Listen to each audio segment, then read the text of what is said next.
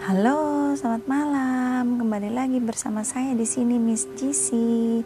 Aduh, akhirnya kelar juga ya sesi pertama tentang perjanjian dan sekarang kita sudah memasuki sesi kedua yang pastinya nggak akan kalah serunya, kalah menariknya tema-tema yang akan aku bahas di episode episode ke depan. Yang untuk episode kedua kali ini, aku akan bahas pertama tentang masalah hukum dan bagaimana upaya hukum dalam penagihan hutang. Juga apa itu tentang lawyer, bagaimana cara memilih lawyer yang baik dan benar. Hmm, seru banget kan tema-tema untuk sesi kedua. So, make sure guys, uh, tetap stay tune, dengerin podcast-podcast aku. Don't miss it, satu episode push kalian bakal nyesel abis. Nah, kali ini aku akan bahas kenapa aku ambil hukum uh, dan bagaimana cara penagihan utang. Karena hidup kita juga dilingkupin dengan banyak hutang kayaknya ya, gitu. Hutang janji, hutang piutang, dan hutang-hutang lainnya tapi saya pengen tahu, apakah kalian tahu nggak sih sebenarnya apa itu hukum dan apa itu artinya hutang? Ya, yeah. nah aku akan jelasin kali ini apa itu hukum.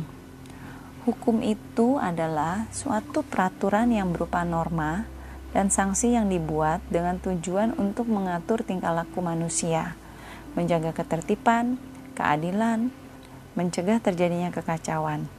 Jadi, hukum itu mempunyai tugas untuk menjamin bahwa adanya kepastian hukum dalam masyarakat, sebab setiap masyarakat berhak untuk memperoleh pembelaan di depan hukum.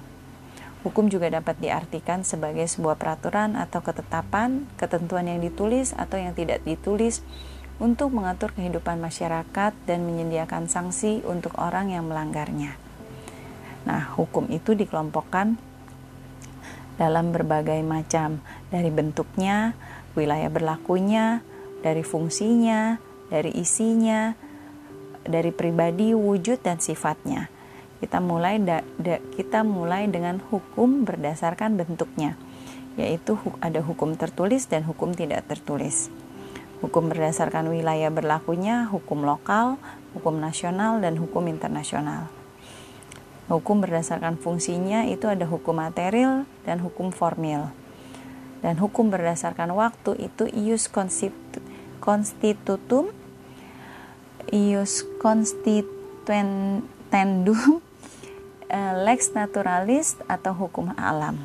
Dan hukum berdasarkan isinya itu ada hukum publik, hukum antar waktu, dan hukum private Hukum publik sendiri dibagi menjadi hukum tata negara, hukum administrasi negara, hukum pidana, dan hukum acara.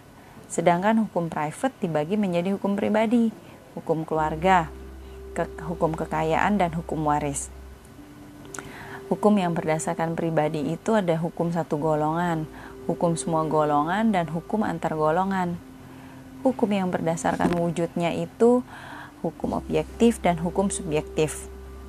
Dan terakhir, hukum yang berdasarkan sifatnya, hukum yang memaksa, dan hukum yang mengatur. Nah, ini adalah basic-basic pengertian tentang hukum dan macam-macamnya. Jangan lupa dicatat ya. Sekian. Dan next episode aku akan bahas yang gak kalah menarik. Tetap stay tune. Oke, okay? bye.